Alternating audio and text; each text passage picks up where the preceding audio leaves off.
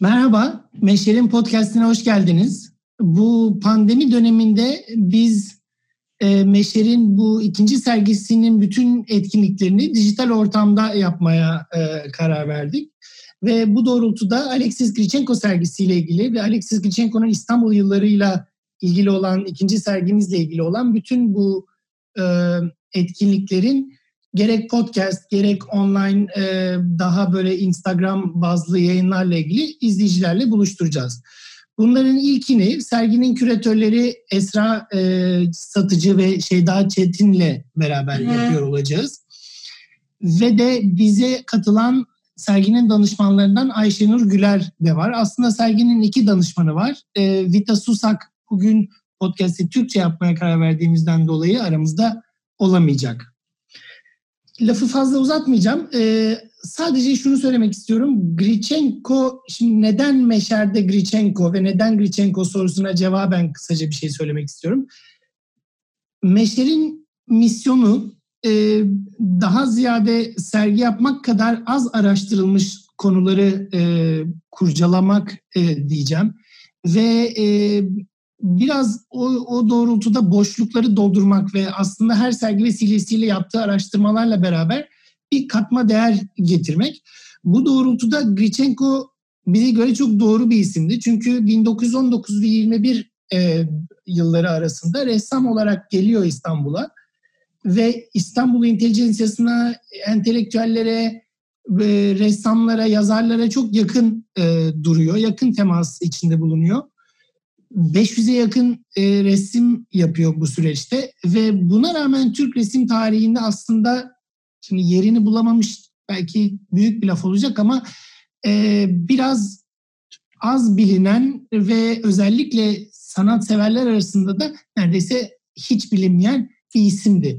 Bu doğrultuda bunu yapmak, bu sergiyle e, bu eksiği tamamlamak e, niyetimiz vardı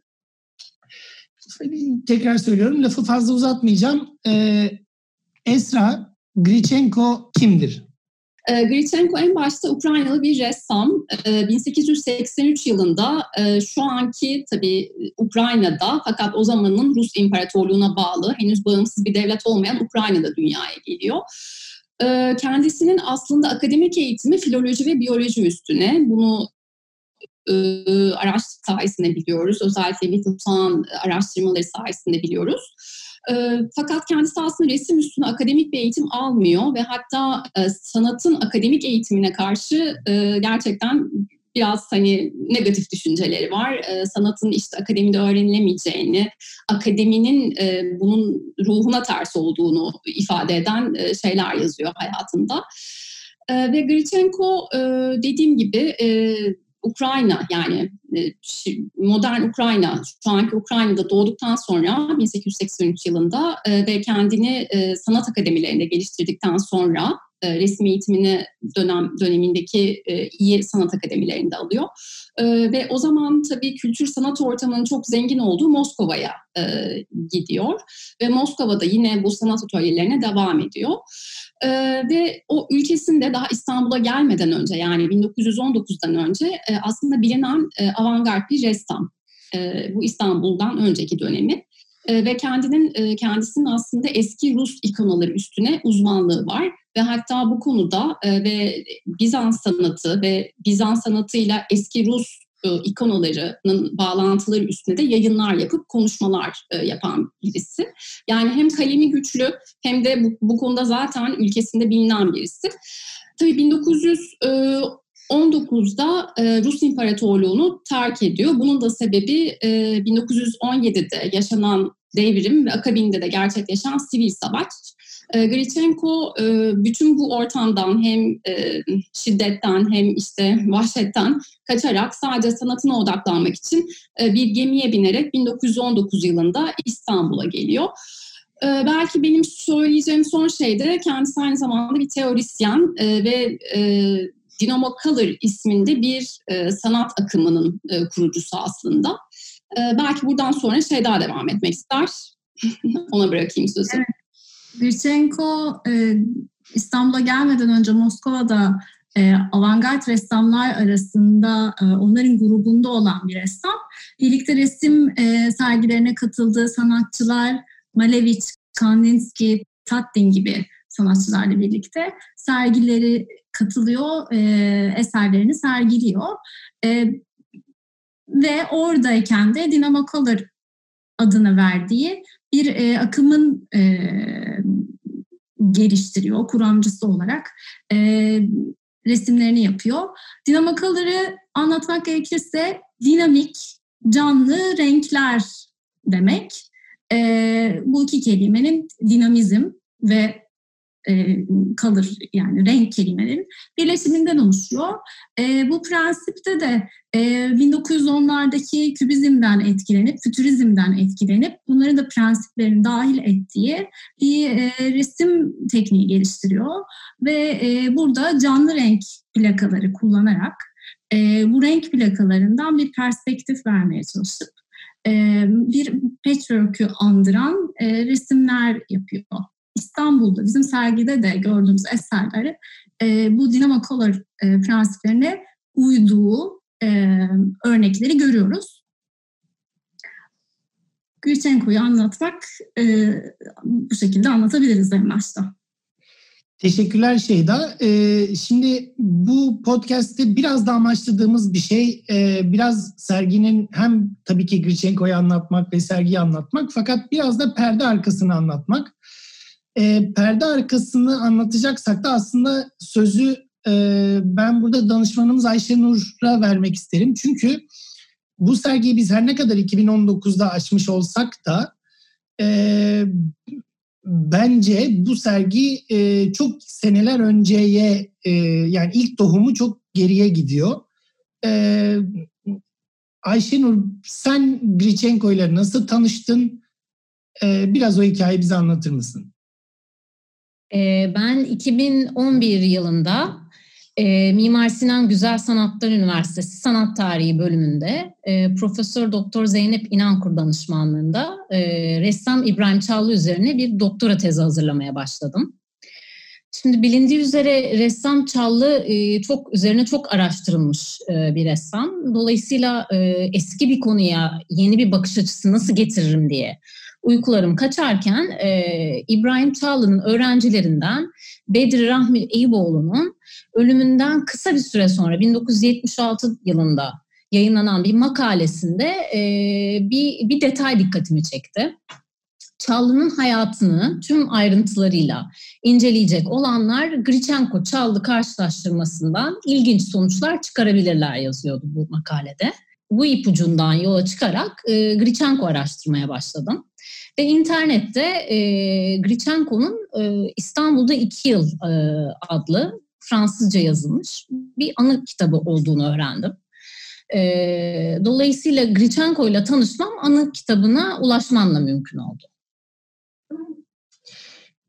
Şimdi anı kitabı notunda durman e, çok işime geldi. Teşekkür ederim. Çünkü e, Esra ile şey daha bu sergiyi kurgularken şimdi her sergi bir yani her küratörlük aslında bir e, hikaye anlatımıdır. Ve o hikaye anlatımında da çok yol seçebilirsiniz. Ve nasıl anlatırsanız da bambaşka bir sonuç çıkabiliyor ortaya. Esra ve Şeyda bu sergide benim şahsen çok hoşuma giden bir şey yaptılar ve o anı kitabını baz alarak bir anlatım yaptılar. Yani aslında bu bir Grichenko resim sergisi değil veya Grichenko'nun İstanbul seneleri boyunca yaptığı resimlerin sergisi değil sadece. Bunun yanı sıra o dönemin İstanbul'unun da sergisi diyebilirim. Dolayısıyla bir e, sergi gelen çoğu ziyaretçiden aldığımız e, güzel yorumların büyük bir kısmı da belki o eski İstanbul nostaljisini de barındırıyor. E, Esra şey daha belki Esra'dan başlayalım. Biraz bize bu e, bu seçimi ve bu hikaye anlatımını bu konuya nasıl geldiğinizi ve bu seçimi nasıl yaptığınızı ve bunun size nasıl açılımlar getirdiğini e, anlatır mısınız? Şöyle başlayabilirim anlatmaya bu hikayeleştirme hikayemizi diyeyim. E, tabii elimizde kaynaklar vardı en başta. E, buradaki tabii belki teşekkürü yine danışmanlarımız Vita Susak ve Ayşenur Güler'e etmeliyiz en başta. Çünkü onların yıllara yayılan araştırmaları vardı konu üstüne. Vita Susak'ın e, Grichenko üstüne hazırladı, hazırlamış olduğu bir monograf vardı mesela bizim de e, süreç içinde daha başlamadan süreç çok iyi okuduğumuz ve süreç içinde de e, sürekli başvurduğumuz bir kaynaktı bu. E, keza Ayşenur Güler'in yaptığı yayınlar vardı çeşitli mecralarda. Onları da e, her zaman rehber her zaman bir rehber olarak kendimize edindik ve tabii danışmanlara da yer yer sorular sorduk. Örneğin aklıma ilk gelen şey yine onların dünya yani Grichenko'nun eserleri dünya üstünde aslında geniş bir coğrafyaya yayılmış e, ve biz bunların yaklaşık 200'e yakınını sergileyebiliyoruz İstanbul temalı eserlerde. Ve danışmanlar bizde e, hangi eserin e, kimlerde, hangi ülkelerde olduğunu çok iyi bir şekilde en baştan e, verdiler gerçekten. Ee, ve böylece biz bu kaynakları okuyarak yani danışmanların hazırladığı araştırmaları, bu e, yapmış oldukları yayınları okuyarak fakat bunlardan da önemlisi en başta Ayşenur'un da bahsettiği Grichenko'nun ana kitabını okuyarak yani Grichenko'nun 1930 yılında Fransızca yayınladığı, Paris'te yayınladığı ana kitabını okuyarak e, bunu Grichenko'nun elimizde olan eserleri, elimizde derken e, eserlerin sadece küçük bir kısmının orijinalini görebilmiştik. E, diğer geri kalanları ise dijital mecradan yani bilgisayar ekranından gördük. E, bu e, günlük notlarını, Grichenko'nun günlük notlarını e, elimizdeki anı kitabıyla karşılaştırarak hikayeyi kurmaya başladık. Ve hikayeyi kurarken de aslında eserler bize rehberlik etti. Onlar bize hikayeyi nasıl anlatmamız gerektiğini söylediler. Çıkan sonuç tematik bir sergi e, yapmamızdı. Bizim vardığımız sonuç bütün bu bilgileri, eserleri bir masaya yayıp e, çeşitli temaların ön plana çıktığı, e, bunları çeşitli başlıklar altında topladığımız bir kurgu e, hazırladık. Ben böyle bahsedeyim, biraz da gerisini Şeyda'ya bırakayım. Şeyda sen de bu kurguda yani benim hissettiğim anı kitabını çok kullandınız bu kurguda. Ve bir nevi Grichenko'nun e, ayak izlerinden devam ettiniz değil mi? Evet, e, anı kitabının elimizde olması tabii ki çok büyük bir nimetti bizim için. İnanılmaz bir kaynak. Eserleri e, okurken e, anı kitabından e, anekdotlara bakarak çok daha e, hikayeyi tamamlamış olduk aslında. E, bu duygunun da e, izleyiciye, ziyaretçiye geçmesini istedik. E, bu tematik bölümleri Grichenko'nun kendi ağzından e, bir takım anekdotlar, e, alıntılar ekledik. Böylece ziyaretçiler, izleyiciler Grichenko'nun dilinden e, o günü, e, o sırada ne yaşadığını, neler hissettiğini e, birebir okuma ve e, kendileri deneyimleme fırsatı e, olmuş oldu. E, sergi üç kattan oluşuyor. E, birinci katta Grichenko'nun bir, biraz daha yalnız bir dönemine yani İstanbul'a gelişiyle başlıyoruz. Ee, İstanbul sokaklarını keşfediyor. Ee, biz de onunla birlikte keşfediyoruz. Daha sonra işte Ayasofya'da yani mimari yapılara, e, İstanbul'un kültürel mirasına Grichenko ile birlikte e, tanık oluyoruz. İkinci katta e, yine camiler, e, onun için e, İslam eserleri, Osmanlı mimarisi de çok kıymetli. Camileri gördüğümüz bölüm var ve e, artık Hristiyanlık'ın sosyalleşmeye başladığı, yani e, İstanbul'a gelişinin ikinci yarısı diyebileceğimiz bir dönemde e, arkadaşları işte e, İbrahim Çallı, Namık İsmail gibi isimlerle olan ilişkisini anlattığımız daha sosyal kahvehanelerde e, vakit geçiren Grichenko'yla devam ediyoruz hikayeye. Son katta da e, gözlemlerine ve İstanbul'dan ayrılışına yer veriyoruz. Yani gözlemler derken de kişileri, e, portreleri, işte e, sokak satıcılarını yani insanları nasıl Grichenko görüyordu, İstanbul eşrafını e, Grichenko nasıl görüyordu, nasıl anlatıyordu buna şahit olup İstanbul'dan ayrılıp Paris'teki e, ve Fransa'daki yaşamında e, İstanbul onun için nasıl bir yer tutuyordu? Bununla e, sergiyi tamamlıyoruz. E, anı kitabına değinmen e, değinmişken ben de aslında Yapı Kredi yayınlarına buradan bir teşekkür e, sunmayı borç bilirim. Çünkü e, bizlerin e, bu sergiyi e, hayal ederken bizi bu kadar e, yardımcı olmuş bir ana kitabının yayınlandığı yıl 1930'dan beri, 1930'da Paris'te yayınlandığından beri Türkçe'ye tercüme edilmemiş olması benim için e, bir nevi bir yandan çok şaşırtıcı, bir yandan da çok bir şeyler söyleyen e, bir bir bence eksikti.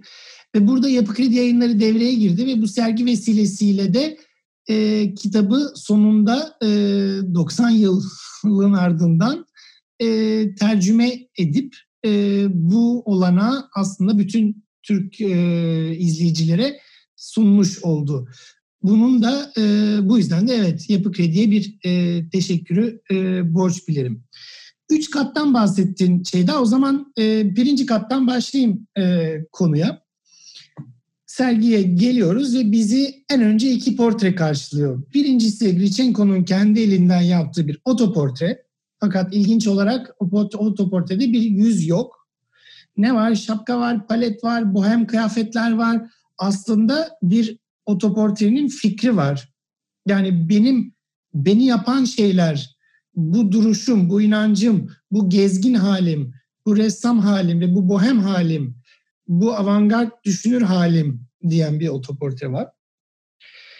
Bir yandan da tam karşımızda Türk bir ressamın elinden, Namık İsmail'in elinden çok güçlü bir portre var. Ee, burada bir dakikalık bir parantez açıp sözü Ayşenur'a e, vermek istiyorum. Ayşenur o portrenin bulunuş hikayesini de sana borçluyuz. Bu konuda birkaç laf etmek ister misin lütfen? Ee, yine İbrahim Çallı tezim üzerine araştırma yaparken e, Paris'e gittim. Paris'te kütüphane araştırmamı devam ettiriyordum. Ee, ve orada da Grichenko üzerine yazılmış bütün kütüphanedeki kitapları çıkardım. Ee, kitapları tararken pat diye bir sayfa açıldı e, önüme ve Grichenko'nun siyah beyaz bir fotoğrafıyla karşılaştım. Fakat fotoğrafı gördüğümde bu yüzü daha önce bir yerde gördüğüme emindim ama nerede gördüğümü çıkaramıyordum. Ee, İstanbul'a döndüğümde bütün kütüphanemi indirdim ve e, 1914 kuşağına ait e, kitapların hemen hepsini e, taradım ve aradığım e, resmi Zeynep Rona'nın Namık İsmail kitabında buldum. E, orada portrenin kimliği bir erkek portresi olarak geçiyordu. Tabii fotoğrafla portre arasındaki e, benzerlik çok çok şaşırtıcıydı. E, şimdi tabii Grichenko 1930 yılında yayınladığı anı kitabında bu portrenin yapımından bahsetmiyor. Ancak İbrahim Çallı'nın kendisinin bir portresini yaptığından bahsediyor e, ve bir gazetede yayınlanmak üzere e, bir resmini yaptığından bahsediyor Çallı'nın. Fakat e, bu makale, bu yazı hiç yayınlandı mı, bu resim hiçbir gazetede yayınlanmadı, yayınlandı mı bunu bilemiyoruz. Ben e, gazeteye de ulaşamadım, resme de ulaşamadım. Belki de o da keşfedilmeyi bekliyor. Peki, e, teşekkür ederim o zaman bu resmin de e, Grichenko olduğunu keşfettiğin için. E, şimdi sergide ilk vitrin kısmında yine e, aslında İstanbul'a geliyor ve o İstanbul'da kıyılarda geziyor. Şeydan'ın dediği gibi çok yalnız vakit geçirdiği ve bir e, İstanbul'u keşfettiği bir süreç. İlginç olarak tabii İstanbul o dönem işgal altında. Bu hatta az e, konuşulan ve çalışılmış da bir dönem olması vesilesiyle.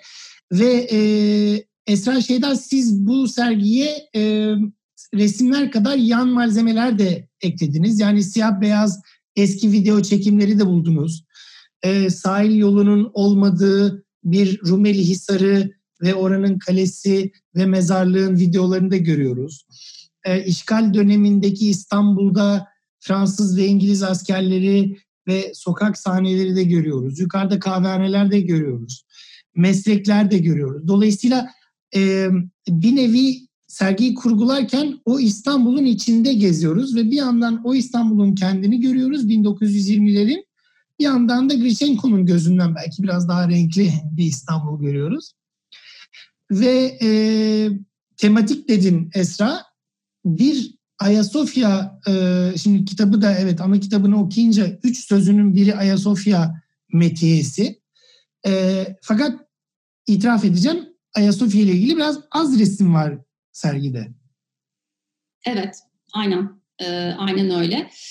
Anı kitabını okurken e, fark ettiğimiz bir şey tam da söylediğim gibi e, Ayasofya'yı çok sık ziyaret ediyor oluşu ve her ziyaret ettiğinde Ayasofya'nın farklı bir de, detayını, farklı bir güzelliğini e, fark edip bunun üstüne metiyeler düzmesi. E, Ayasofya ile Grichenko'nun arasındaki bağ bir hayranlık diyebiliriz ve hatta Grichenko e, kendi kaleminden şöyle bir şey ifade ediyor. Bütün bu yolculuğunu yani bütün bu İstanbul macerasının e, Ayasofya'yı görmesi için kaderin bir oyunu olduğunu, tam aynı kelimeleri kullanmasa da hani bunun e, onun için bir kader olduğunu ve bu kaderi Ayasofya'nın, bu kaderin merkezinin Ayasofya olduğunu söylüyor. O yüzden gerçekten e, Grichenko'nun Ayasofya'ya hissettiği şeyler bambaşka. Ee, gel gelelim sergide gerçekten belki Ayasofya eserleri e, en az e, sayıca en az e, durumdalar. E, bunun bir sebebi e, Grichenko'nun e, eserlerinin aslında yine İstanbul'da olduğu dönem e, yolunun e, Amerikalı arkeolog Thomas Whitmore'la kesiştiğini biliyoruz. Birlikte Pera Palas'ta bir araya geliyorlar ve e, Thomas Whitmore onun 66 eserini satın alıyor. Bunu da biliyoruz. Tamamen Grichenko'nun kendi yazdıklarından. E, fakat bu sergi sürecinde e, çok araştırmamıza rağmen işte çeşitli kişi ve kurumlara danışmamıza rağmen bu eserleri bulamadık örneğin. E, yani Thomas Whitmore'un aldığı eserlerin akıbetini hala bilmiyoruz. Bu bir gizem hala. E, keza e, Kerrigan başka bir e, yine koleksiyoner e, Grichenko'nun İstanbul temalı eserlerini satın alan ve e, ilgi duyduğu konu bakımından en çok Ayasofya ve en çok Ayasofya ve Bizans yapılarını aldığını tahmin ettiğimiz bir koleksiyoner. E, fakat bunların da ne olduğu, nerede olduğu bilinmiyor. Belki bir yerlerde bir çekmecede duruyor e, kimin ne olduğu bilinmeden ya da çoktan yok oldular. Evet evet bütün uğraşlarımıza rağmen bunlara ulaşamadık. Keza zaten araştırmacılar da bunlara daha önce bakmış ve sonuç bulamamışlardı. Ama umuyoruz ki belki bu sergi ve akabindeki yayınlar, daha doğrusu eş zamanlı olan yayınlar belki bunların hala bir yerlerdeyse çıkmalarına vesile olur. Böyle umuyoruz. Şeyden senin eklemek istediğin bir şey var mı? Whitmore'la ilgili e, şöyle bir şey de söylüyor aslında Vita'nın e, söylediği. Gritchenko'nun hayatında e, bir dönüm noktası e, olarak yorumluyor Thomas Whitmore'la buluşmasını. Thomas Whitmore ondan yüklü bir miktarda eser alınca Gritchenko'nun eline bir miktar para geçmiş oluyor. Birincisi bu malzemeye ulaşmasını sağlıyor. diğer bir olumlu tarafı da e, Paris'e gidecek yolu aslında açıyor Grichenko'ya. Çünkü Whitmore e, Grichenko'ya diyor ki sen e, pasaport işlemlerini hallet, ben senin e, Yunanistan biletini ayarlayacağım. Böylece e, Grichenko'nun aslında İstanbul'dan ayrılışıyla e, Fransa'ya ulaşmasının yolunu e, Whitmore açmış oluyor. Sadece Ayasofya sevdası yok. Bir de e, İstanbul'un tek tek neredeyse bütün camilerini geziyor ve onlar içinde çok çok vakit geçiriyor değil mi? Bir de e, çok ciddi de bir bilgisi var. E, tabii evet yine e, Ayasofya bilgisi ve hayranlığı kadar bizi şaşırtan e, başka bir şey e, yani aslında şaşırtan şeylerden yine bir tanesi sadece Gritchenko hakkında İstanbul yapıları hakkındaki engin bilgisiydi. Ve İstanbul yapıları deyince de tabii aslında kastettiğim şey en çok camiler. Ee, hangi cami işte hangi yıl yapılmış ya da o camiden önce hangi tapınak vardı, hangi kilise vardı, o kiliseden önce hangi tapınak vardı? Şu anki yani şu anki derken onun 1919-20 yılında gördüğü cami e, hangi e, spolyayla yapıldı, e, hangi devşirme malzemeyle yapıldı bunu dahi e, bildiğini gördük anılarını okuyunca. Tabii bu çok şaşırtıcıydı. Ve e, Grichenko camileri e, tabii çok farklı mecralar olarak görüyor. Kendisi için çok otantik yerler bunlar. E, orada cemaati izleme fırsatı elde ediyor. E, kendisi için çok yani bir ressam için çok güzel bir gözlem alanı aslında camiler. Hem içleri hem de avluları içlerine giriyor e, elinden geldiğince eğer ki birileri karşı çıkmazsa gizli gizli caminin içinde çizimler yapıyor ya da avlularında dinleniyor. E, günün bir vaktini, bir, bir, e, bir kısmını bu avlularda geçirdiğini biliyoruz. Çünkü e, Grichenko tabii unutmamalıyız ki e, İstanbul'da bir mülteci, e, İstanbul işgal altındayken İstanbul'da bir göçmen. E, o yüzden çok iyi şartlarda yaşamıyor. Hatta hiç iyi şartlarda yaşamıyor. Kaldı, kaldığı yerler gerçekten çok kötü yerler, bulunmak istemediği yerler. O yüzden e, camiler onu aslında her bakıma e, bir kucak açıyor diyebiliriz. Ve aynı zamanda ibadet eden insanlar da e, Grichenko'nun fazlasıyla ilgisini çekiyor. Çünkü camilerdeki bu camlardaki ışık oyunları, e, o doğumun gizemini adeta ona gösteriyor ve namazın e, o toplu halde e, ifa edilen bir eylem olması, e, namaz kılan insanların e, o ışıkta nasıl göründüğü bunları bir ressam gözüyle inceliyor, gözlemliyor ve daha sonra da eserlerini aktardığını görüyoruz.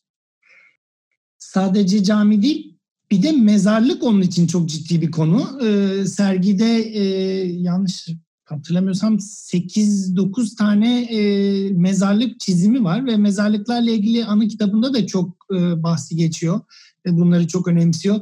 Ayşenur bir e, kitapta bir anekdot hatırlıyorum. Oradan da zaten e, Çallı'ya da bağlanıyor. Çallı ile beraber galiba bir e, okula gidiyor ve orada bir mezarlıklarla ilgili bir nutuk diyeceğim var.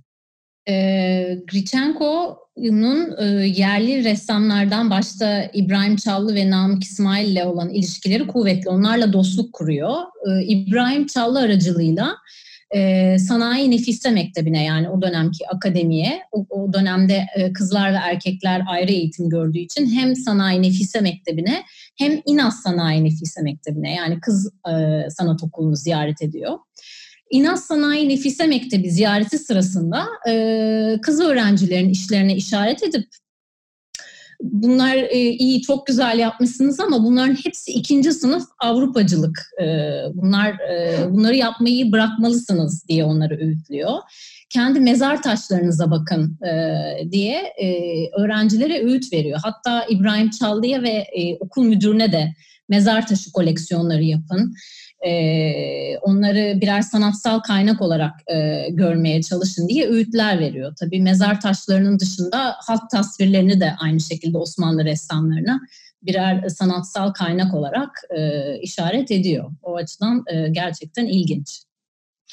Bu anlattıklarında tabii biraz Türk resim sanatının olduğu yer o dönemde ve burası ile ilgili olduğu o yani sanatsal düşüncelerine de biraz ipucu veriyor bu dediklerin. Peki oradan o zaman seni e, bu Grichenko'nun ağız kelimeleriyle Osmanlı Montparnasse dediği yere e, götürsen bizi. Yani Çallı ve Namık ve birçok e, insanla çok yakın ilişkiler yaşadı e, Grichenko bu dönemde. Çok samimi ilişkiler. E, gerek sanatsal gerek daha e, kişisel ilişkiler. Bu konuda e, bize anlatmak istediğin hikayeler vardır diye düşünüyorum e, Grichenko'nun anı kitabının bir bölümünün ismi Osmanlı Montparnasse. E, Şişli'de e, bir Rum kahvehanesine gidiyorlar e, ve orada e, bugün 1914 kuşağı olarak bildiğimiz diğer sanatçılarla da tanışma fırsatı buluyor Grichenko. E, ve yanında hep Çallı var. Çallı'ya zaten müridim diyor. E, bu 1914 kuşağına e, mensup diğer sanatçılar arasında Hikmet Onat, Sami Yetik, Feyhaman Duran, e, bu, bu bölümde o sanatçılarla da tanışıyor ve onlarla e, sanatsal tartışmalar e, yapıyorlar. Tabii e, Osmanlı ressamları Grichenko'nun sanatına şüpheci yaklaşıyorlar. Gerçek sanat bu mu diye sorguluyorlar. Yani onun anlatmaya çalıştıklarına pek anlam veremiyorlar. Çünkü birçoğu, hep, hemen hepsi e, Fransa'da akademik e, sanat eğitimi almış. Ee, tabii Grichenko sadece e, Osmanlı ressamları değil, Osmanlı aydınlarıyla da tanışma fırsatı buluyor e, bu ressamlarla yakınlığından dolayı. Mesela Ruşen Eşref Ünaydın'la e, tanıştığını biliyoruz. Ahmet Haşim o dönem e, akademide Sanayi Nefise Mektebi'nde estetik hocası. Ahmet Haşim'le ahbaplıkları var. E, mesela Ruşen Eşref e, Grichenko eserleri satın alıyor. Bunlar hep anı kitabında anlatılıyor. Daha sonra 1920'lerin sonunda Ahmet Haşim'in evinde yapılan bir röportajda evinde 3 adet Grichenko eseri olduğunu biliyoruz. Yani e, en çok belki Çallı destek olmuş, kol kanat gelmiş ama e, Osmanlı aydın ve ressamlarıyla e, yakın e, ilişkileri olmuş Grichenko'nun. Şimdi şüpheci yaklaşıyorlar sanatına dedin. Bu e, yine o dönemin resim anlayışıyla ilgili çok şey söylüyor sanırım. Yani bir yandan çünkü şüpheci yaklaşıyorlar ve bunu belki bu Rus avantgardı yaklaşımı biraz ağır gelmiş olabilir o dönemin e, daha akademik diyeyim Fransız resim anlayışına. Fakat bir yandan da çok e, ve burada aslında Namık İsmail'in bir mektubuna gönderme yapacağım. Makale. Bir şefkatli bir bir şüphecilik var değil mi? Yani Namık İsmail'in sergide bir e, sayende bulduğumuz bir mektubu e, geliyor aklıma. Orada da şu cümleleri sarf ediyor Namık İsmail. Ben anlıyor muyum Grichenko'nun ne yaptığını? Hayır anlamıyorum. Ama çok takdir ediyorum muyum? Evet, sevmek için çok da anlamaya gerek yok diyor ve e, burada da ilginç bir dikotomi hissediliyor değil mi? Ee, evet yani şöyle Grichenko İstanbul'u terk ettikten kısa bir süre sonra e, Namık İsmail e, Yarın dergisinde bir makale kaleme alıyor. Ve o makalede e, kısaca Grichenko'yu tanıttıktan sonra o gün o resimleri o kadar sevdiğim, beğendiğim halde hiç anlamamıştım. E, bugün de fazla anlıyor değilim diye bir itirafta bulunuyor aslında. Ve Grichenko'nun sanatını mecnunane yani delice bulduğundan bahsediyor. E, fakat e, beğendiğini de söylüyor. Yani Grichenko Namık İsmail'i e, modern sanat üzerine düşünmeye teşvik etmiş. E, hatta anı kitabından yine öğrendiğimiz kadarıyla bir İtalya seyahati yapıyor kapsamlı Grichenko, e, pardon Namık İsmail. Grichenko ona uzun uzun e, öğütler veriyor. İtalyalı gezmelisiniz, ben İtalya'yı gezdim, e, e, mutlaka gidip görün diye ona tavsiyelerde bulunuyor. Ve Namık İsmail Grichenko'yu dinleyip İtalya'ya gerçekten gidiyor. E, Osmanlı ressamları arasında üslup olarak etkilenen tek sanatçı İbrahim Çallı. Ama Namık İsmail'i de e, düşünmeye e, ve bunun üzerine yazı yazmaya teşvik etmiş. Namık İsmail ve Şevkat demişken aklımda hemen gözümün önünde canlanan bana göre belki serginin başyapıtlarından biri olan e, Ulviye Hanım portresi. Ulviye Namık İsmail'in e, kız kardeşi ve e, orada ben yine çok bir samimiyet hissi olduğunu düşünüyorum dışarı yansıyan. Çünkü e, bir yabancı ressama gelip evinde bir kadın portresi yaptırmak ve bu yani ciddi bir samimiyet söz konusu. Ve zaten onun ulvi olduğunun keşfi konusu da var değil mi Esra? Ee, o da ayrı bir e, parantez ve hatta oradan belki e, devam etmek istersin ve bu serginin biraz yine perde arkası demişken bu eserlerin isimlendirmesi vesaire ile ilgili biraz bize birkaç ipucu verirsin. Tabii. Ee, bu serginin bizim için yani biz küratörler için e, belki en büyük zorluklarından bir tanesi e, çoğu eserin henüz kataloglanmamış olmasıydı. E, kurumlardan aldığımız eserler tabii ki belli bir envanterden geliyordu. Bizde belli envanter bilgileriyle geliyordu. Fakat e, özel koleksiyonerlerle e, de tabii ki e, çok işbirliği yaptık. Onlardan da fazla sayıda eser aldık e, bu sergiyi hazırlarken. E, ve gerçekten de hani isimleri, cisimleri, tarihleri, üstlerinde ne yazdığı bu resimlerin çalışılmamıştı daha önce. E, o yüzden e, bizim zamanımızın e, büyük bir kısmı aslında eserlere dikkatlice bakmaya, e, onları okumaya, nerede ne yazdığını görmeye ayrıldı bu sebepten dolayı. E, ve tabii e, bize ulaşan bilgilerde eksik ya da yanlış bilgiler olduğunu da fark ettik bu süreçte. Ee, bahsettiğin e, şu an e, artık araştırmalar sonrasında Ulviye Hanım tablosu, Ulviye Hanım'ın bir portresi olduğunu bildiğimiz eser e, şu an Ukrayna, e, daha doğrusu şu an tabii ki bizim galerimizde fakat biz onu Ukrayna Ulusal Sanat Müzesi'nden ödünç aldık. E, ve bize geldiğinde e, oradaki envanter bilgisi çarşaflı Türk kadınıydı. Çok güzel, tuval üstüne çok güzel bir yağlı boya çalışma. E, tabii artık bu araştırmalardan sonra biliyoruz ki o Ulviye Hanım yani Namık İsmail'in kız kardeşi olan Ulviye Hanım. Çünkü e, bunu galeride de zaten işte Grichenko'nun tam da o gün yaptığı bir e, günlük girdisiyle diyelim günlük notuyla zaten o sahneyi o gün tam da Ulviye Hanım anlattığını görüyoruz ve bunu da galeride yan yana sergiliyoruz. E, bu sergide e, tabii ki bunu aslında biz e, NAMU'ya yani Ukrayna Ulusal Sanat Müzesi'ne envanterlerini değiştirmesi değiştirmeleri için e, önerdik. E, onlar da umarım kayıtlarını daha doğru bir şekilde güncelleyeceklerdir bundan sonra. E, sergide böyle birkaç tane daha durum oldu tabii ki. Burada sanırım Ayşenur'un da e, bir fotoğraflar üzerinden bir nevi arkeologla sanat tarihçisi ve detektiflik arası bazı e, bulgularının da çok faydası oldu sanırım bu e, resmi tespit etmekte değil mi Ayşenur? Şimdi şöyle yine Grichenko'nun anı kitabı ana kaynağımız. Grichenko Namık İsmail ile tanıştıktan sonra Namık İsmail'i Beşiktaş'taki konağında ziyaret ediyor. Ulviya İsmail ile de tanışması konağı ziyaretleri sırasında gerçekleşiyor. Ve Ulviya Hanım kendisine poz veriyor resim yaptığı, resim, resmini yapıyor Ulviya Hanım'ın. Ve Grichenko o günü bütün detayıyla tasvir etmiş kitabında e, resmi modelini nasıl yerleştirdiği, e, arka planda hangi ne, ne tip resimler olduğunu tek tek bütün objeleri e, anlattığı çok detaylı bir kısım var. Ben e, araştırmam sırasında Namık İsmail'den günümüze kalan fotoğrafları incelerken bir e, odanın iç mekan fotoğrafını buldum. Tabii tam olarak da bilmiyordum neresi olduğunu ama eski bir fotoğraf olduğu için e, muhtemelen e, ailenin vaktiyle Beşiktaş'ta oturduğu konaktan bir iç mekan detayı e, olmalı diye düşünüp bir kenara ayırdığım bir resimde.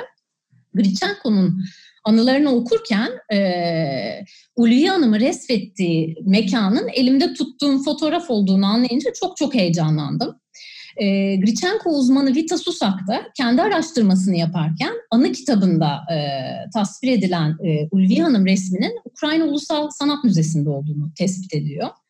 İlk defa e, bu sergide Ulviye Hanım'ın fotoğrafı, Grichenko'nun yaptığı Ulviye Hanım portresi ve portrenin yapıldığı iç mekanın fotoğrafı bir arada sergilendi. Peki Şeyda e, hazır yanlışları düzeltmekten bahsetmişken e, kod adı olarak sana MoMA desem bize ne anlatırsın? Evet, MoMA'da da e, benzer bir isim e, karmaşası yaşadık aslında. MoMA e, New York'taki Modern Sanat Müzesi. E, onlarda da bir Grichenko eseri olduğunu biliyorduk. Fakat e, koleksiyonlarında ve dijitalleştirmedikleri koleksiyonlarında bulunduğu için fotoğrafını e, Vita Susak'ta olsun, Ayşenur Güler'de olsun, bizler olalım. Daha görmemiştik. Orada bir Grichenko eser olduğunu biliyorduk. Grichenko'ya ait bir eser olduğunu biliyorduk. E, biz böyle bir sergi hazırlıyoruz, e, ödünç almak isteriz dediğimizde onların e, bu e, yenilenme süreçleri nedeniyle eser ödünç vermediklerini ilettiler. Kataloğa e, elbette dahil edebilirsiniz dediler. E, katalog için yüksek çözünürlük fotoğraf geldiğinde biz bir şaşkınlık yaşadık. Çünkü e, eserin adı e, Türk... Bank akrobatlar diyeydi değil mi? Evet, Türk akrobatlar olarak çevirmek gerekirse Fransızcası vardı. Türkçeleştirdiğimizde de Türk akrobatlar olarak çevriliyordu. Ee, biz gördüğümüz eser karşısında isim çelişkisini fark edip bir şaşkınlık yaşadık. Ee, çünkü aslında bizler için yani Türkiye'de yetişmiş insanlar için bu eser çok belli bir şekilde ayı oynatıcısı sahnesiydi aslında. yani e, Grichenko'nun böyle bir anı resmetmiş olması çok güzel bir belgeleme bir yerde. Çünkü günümüzde böyle bir şey zaten e, olmuyor ve mümkün değil elbette. Ama sonuçta bu kültürün, e, bu tarihin e, İstanbul ve tarihinin içinde olan bir e, dönem bu. Grichenko'nun da çok ilgisini çekmiş belli ki. Fakat isim yanlış. E, biz e, MoMA'ya bu ismin e, buradaki bur- buradan e, lokal kişiler olarak buradan e, ismin değiştirilmesini e, önerdik. E, bir ayı, ayı oynatıcısı, ayı oynatma sahnesi olarak e, düzenlenmesi gerektiğini ilettik. Fakat tabii e, bu tip müzelerde e, küratöryel bir araştırmaya giriliyor. E, biz kendi araştırmamızı da yapalım, değerlendireceğiz, teşekkür ederiz dediler. Siz de ismi e, dilediğiniz şekilde açıklamasıyla verebilirsiniz dediler. Biz de parantez içinde yazarak onların ismini çünkü kayıtlarda öyle e, onların kullandığı ismi de koyup parantez içinde e, ayı oynatıcısı olarak belirttik ve bu şekilde katalogda yer verdik. E, Grishenko bu, gezerken işte bu ayı oynatıcısını görürken vesaire tabii bir de kahvehanelerde de çok çok çok vakit geçiriyor ve kahvehane resimlerinden tabii bolca e, var. Sağ olsun ki Thomas Whitmore hepsini alıp götürmediği için biz de bugün onlara ulaşabildik. Ve e, o resimlere bakınca hem resimsel ve o avantgard kimliğini iyice yansıttığı resimler görebiliyoruz. Çünkü işte çok daha böyle küçük bölgesel sulu boya vuruşları, sadece konunun özünü yakalamaya e, niyetlenen resim türü mesela çok fes görüyoruz. Fes, bıyık, sakal. Ama göz, burun, ağız yok. Gerek yok çünkü o belki o avantgard e, yaklaşımda bu suretin bir önemi yok. Daha böyle e, sembolik e, diyebileceğim, daha böyle belirgin ve e, bazı ipuçları veren e, daha metodik bir yaklaşım var orada. Fakat kahvehanelerin anı kitabı kısmını e, takip edince çok da ilginç ve e, nasıl diyeyim e, kahvehaneleri demokratik bir özgür alan olarak tarif ediyor ve aslında belki işgal aslında İstanbul'un e, içinde dolaştığını düşününce bu daha da anlamlı kılınıyor. Fakat özgür ve herkesin ve her kesimden insanın ortak bir noktada bulaşabildiği yerler olarak e, görüyor değil mi şeyden? Evet, e, kahvehaneler Grishenko için tam bir gözlem alanı. E, ve dediğim gibi çok çarpıcı e, renk kullanımları var e, bu kahvehaneleri e, betimlediği eserlerinde. E, özellikle de kahvehanelerdeki o tartışmalara da denk gelmiş ve bunu anı kitabında da e, anlatmış. Yani işgal dönemini e, kahvehanelerde İstanbul e, Lular nasıl anlatıyorlardı, nasıl yaşıyorlardı? Bunu da e, e, not etmiş anıları arasında. E, bir de aslında burada değinmemiz gereken şey kahvehanelerde de olsa, sokakta da olsa Grishenko'nun resim yapmasının çok da e, hoşnut karşılanmadığı. E, onun e, onu res, resim yaptığını gören kişilerce e, kahvehanelerde, camilerde gizli gizli resim yaptığını biliyoruz. O, e, o yüzden sulu boya eserlerini hızlıca e, hem hareketi yakalamaya çalışıyor hem o gördüklerini e, aktarmaya çalışıyor ve çok hızlı e, çizim yapmaya çalışıyor. Ve hatta e, bir anısında da e, yasak dediği, e, yasak olarak ona e, karşı çıkıldığı bir anısı var. 7 Kasım tarihi sanırım. Evet. Ee, kıyamet kopuyor değil mi orada kahvehanede? Orada bir tartışma yaşanıyor. Ee, Grishenko kahvehanede resim çizerken imamların kahvehanesi diye not etmiş. Ee, ve e, buna kızıyorlar Grishenko'ya. Diyorlar ki işte resim yapamazsın. Ee, yasak. Dinimiz e, Adem sureti çizmeye cevaz vermez diyorlar. Ve Grishenko bunu Türkçe olarak nasıl yazdı acaba? Çünkü birazcık Türkçe öğrenmeye başlamış. Aslında anlıyor ve insanlara e, birazcık da olsa cevap verecek kadar Türkçesi de var, kırık bir Türkçesi var. O, e, o sayfadan 2-3 satır okuyayım o zaman. Ee, işte senin dediğin e, tartışma çıkıyor. Ondan sonra kahveci geliyor diyor ki imamlara ya ressam diyor. Sonra çocuk diyor. Çocuk yanıma geldi ve Fransızca bir daha onları kızdırmamamı rica etti. Ben de sustum. Resim kağıtlarımı gizledim diyor Gülçenko.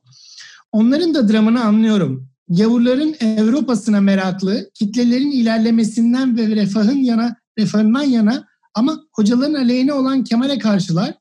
Hocalar Allah'ın izniyle İslam'ın eski yüceliğini ve şark yaşamının ataerkil niteliğini sürdürmek istiyorlar diye de e, böyle tam ortada bir e, cümleyle de bırakıyor.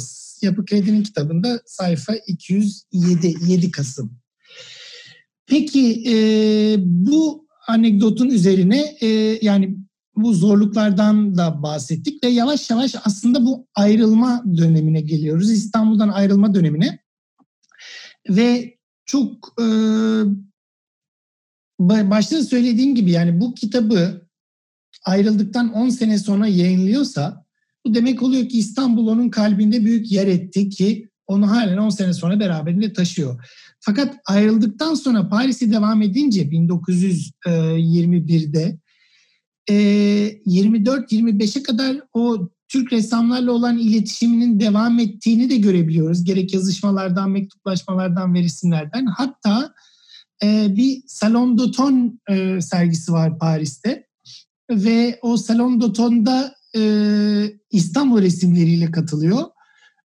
Esra Şehit Ayşenur sizden belki bu konuda da bir iki cümle almak isterim. Çünkü Salon d'Automne Fransa'nın çok önde gelen bir sanat etkinliği o dönemde. Ve gider gitmez hemen buraya Türk resimleri katılıyor ve hatta Ayşenur belki bize anlatırsın. Bir de bunun fotoğraflaşmaları, yazışmaları var Çallı'yla. Şimdi evet Grichenko İstanbul'u terk ettikten sonra önce birkaç ay, 2-3 ay Yunanistan'da kalıyor. Ondan sonra Fransa'ya geçiyor ve Paris'te Güz Salonu'na, Salon d'Autom'a 12 adet İstanbul resmiyle katılıyor. Bu tabii dönemi için büyük bir başarı. Hatta Fernand Léger'in isteği üzerine onun eserlerinin yanında sergileniyor Grichenko'nun eserleri. Ben e, yine Çallı, e, Çallı araştırmam sırasında İbrahim Çallı'ya ait e, çizim ve belgeleri incelerken e, kartonlara yapıştırılmış siyah beyaz Grichenko reprodüksiyonlarına rastladım. E, artık o noktada biraz Grichenko eserlerine aşinaydım. O kartonla reprodüksiyonu hafif araladığımda e, reprodüksiyonun arkasında el yazısıyla bir ithaf e, yazdığını gördüm e, sevgili dostum, e, başarılı Türk ressamı İbrahim Çallı'ya Paris 1921 yazıyordu. Yani Grichenko e, Fransa'ya gittikten e, kısa bir süre sonra yakaladığı başarıyı, e, başarının haberini e, dostu Çallı ile paylaşmış. Onu bu başarıdan haberdar etmiş. Bunu öğreniyoruz. Ve e, bu reprodüksiyonlar e, orijinal eserlerle beraber sergide yer alıyor ve onları e, onların üzerinden yani şimdi orada resimlerin hangileri olduğunu tespit ettin. Fakat e, Şeyda senin bu konuda ekleyecek bir şeylerin var diye düşünüyorum. Keza sergide e, ondan sonra güzel sürprizlerle karşılaştık değil mi? Sergi evet. resimler geldiğinde. Eserler dediğimiz gibi biz eserleri e, dünyanın pek çok yerine dağılmış e, kurum ve koleksiyonerlerden ödünç aldık. E, bu nedenle de eserleri birinci elden bakma, görme fırsatımız ancak onlar İstanbul'a geldikten sonra olabildi. E, burada kahvehaneler için ayırdığımız e, çok güzel guaj e, iki eser vardı. Bir tanesi kart oynayanlar. Ee, ve bu eserleri geldiklerinde tabii biz incelememizi yaparken arkalarında notlar olduğunu gördük. E, bu da e, Grichenko'nun 12 eser, sergilenen 12 eserleriyle örtüşen e, bir bilgiydi bizim için. E, bu nedenle e, bu iki eserin e, Salon d'Automne Güz Salonu'nda sergilenmiş olduğunu e, tekrar görmek bizim için sergide düzenleme açısından bir değişikliğe gitmemize sebep oldu. E, Paris sergisinin üç eserini bir arada sergiliyor olmak bizim için bir son dakika değişikliği olmuş oldu. Bu e, proje açısından e, bu tip sürprizler e, yaşadık. Eserler geldikçe kataloglanmamış oldukları için e, şimdiye kadar hiç çoğunluğunun sergilenmemiş olduğunu bildiğimiz için e, ne araştırmacılar ne e, e, Grachenko çalışanların bugüne kadar e, birinci elden kendi gözleriyle görme fırsatlarının olmadığı sergileri ilk defa İstanbul'da bir çatı altında buluşturmuş olduk 100 yıl sonra. 100 yıl sonra 7 ülkeden ve bir sürü kurumla ve bir sürü özel koleksiyonerle 25'e 25'in üzeri 29 muydu Esra? 29 değişik yerden eserleri 29 değişik noktadan evet ve e, Türkiye dahil 6-7 ülkeden evet. Peki Esra e, hazır sana gelmişken o zaman hepinize soracağım bir soru ama e, şu notada bitirelim. E, sergiyi kurdunuz, araştırdınız, okudunuz, baktınız. Grichenko nasıl biriydi? Alexis Grichenko nasıl bir insandı? Ne kalıyor size geride bu Alexis Grichenko'dan e, nasıl bir insan tadı kalıyor? Evet yani ben hani soruyu şöyle algılıyorum. Hani ben cebime ne koydum Grichenko'dan? Gerçekten ne aldım, ne beni etkiledi evet. gibi e, algılayıp böyle cevaplıyorum. E, ben, yani Grichenko aslında çok hani şahsına münasırı kullanacağım burada. Öyle bir karakter bence. E, ve beni en çok etkileyen yönü onun e, hiçbir zaman hani o zorluklar e, sebebiyle yılmaması, umudunu hiçbir zaman yitirmemesi oldu aslında benim için. Çünkü biz bu projede, e, yani hepimiz için konuşuyorum, e, aslında onun hani günlüğünü okuyarak, günlük çünkü çok hani özel bir mecra, onun mahremine girdik aslında. Bir insanın mahremine girdik. Ne kadar yayınlamış da olsa, bunun hani e, artık tabii kamulaştırmış da olsa kendisi, yine de orada çok özel duyguları vardı, umutları vardı, işte yaşadığı zorluklar vardı, e, ne bileyim memleket hasreti vardı mesela, ülkesini özlüyordu. İstanbul'un bazı sokaklarını işte Ukrayna'ya benzetiyordu. E, zaten burada çok çok zor şartlar altında yaşıyordu en başta. Yani yiyecek yemek bile bulamıyordu bazı günler. Ama buna rağmen e, bütün bu kötü şartlara rağmen gerçekten e, hayata tutunması, sanatına tutunması, işte Harbiye'de e, Rus hastanesinde kalırken kış aylarında soğuktan eli şişmesine rağmen o odada hala resim yapmaya devam etmesi ya da her gün neredeyse işte yürüyerek İstanbul'un o dönem çok çamurlu ve işte kötü yollarından yürüyerek Ayasofya'ya gidip resim yapması. Bütün bunlar onun hani hayata e, ve resmine ne kadar e, um, ne kadar bağlandığını, o umutla yaşadığını gösteriyor bana. O yüzden e, benim buradan kendime çıkardığım ders e, gerçekten insanların tutkusu varken, e, bir şeylere tutulmuşken yaşamda kalmanın çok daha kolay olması. O yüzden hani 21. yüzyılda biz çoğu şeyin bir tek bizim başımıza geldiğini sanıyoruz ama e, aslında her dönem insanlar çok zorluklar yaşıyor. Grichenko da bunlardan bir tanesiydi. Yaşadığı dönemde savaş da gördü, devrim de gördü, salgın hastalık da gördü, tifo da gördü mesela. Ama bütün bunları bu bence en en çok mesleğiyle olan, resmi olan aşkıyla açtığını düşünüyorum. Ben bunu aldım ondan gerçekten. Umudun ne kadar kıymetli olduğunu aldım. Şeyda? Ben de aslında e, Esra gibi düşünüyorum. E, Gülçenko'nun kişiliğiyle ilgili çok e, bir takım öne çıkan özellikler var kitabını okuduktan sonra ve yaşam öyküsüne baktıktan sonra. Ee, mesela e, özgürlüğe çok kıymet veriyor. Moskova'dan ayrılmasının sebebi de bu. Sanat propagandaya alet, alet, alet ediliyor. Siyaset e, alet edildiği için ben buradan ayrılmak istiyorum. Ben kendi sanatımı burada yapamıyorum deyip gitmeye karar veriyor.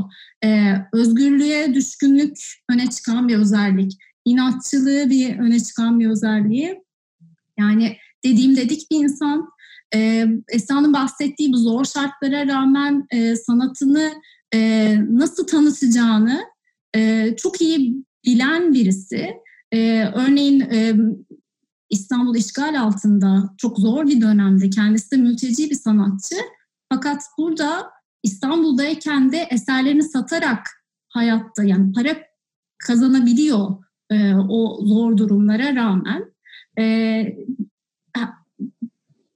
kararlılığı aynı şekilde vizyonerliği, sanatı konusunda vizyonerliği e, ayrı bir konu. Çünkü İstanbul'da hiç sergilememiş eserlerini e, pek çok yerde sergilemesine rağmen e, ve eserlerini nereye, e, nasıl sergilemek istediğini, nerede görmek istediği konusunda çok net fikirleri var.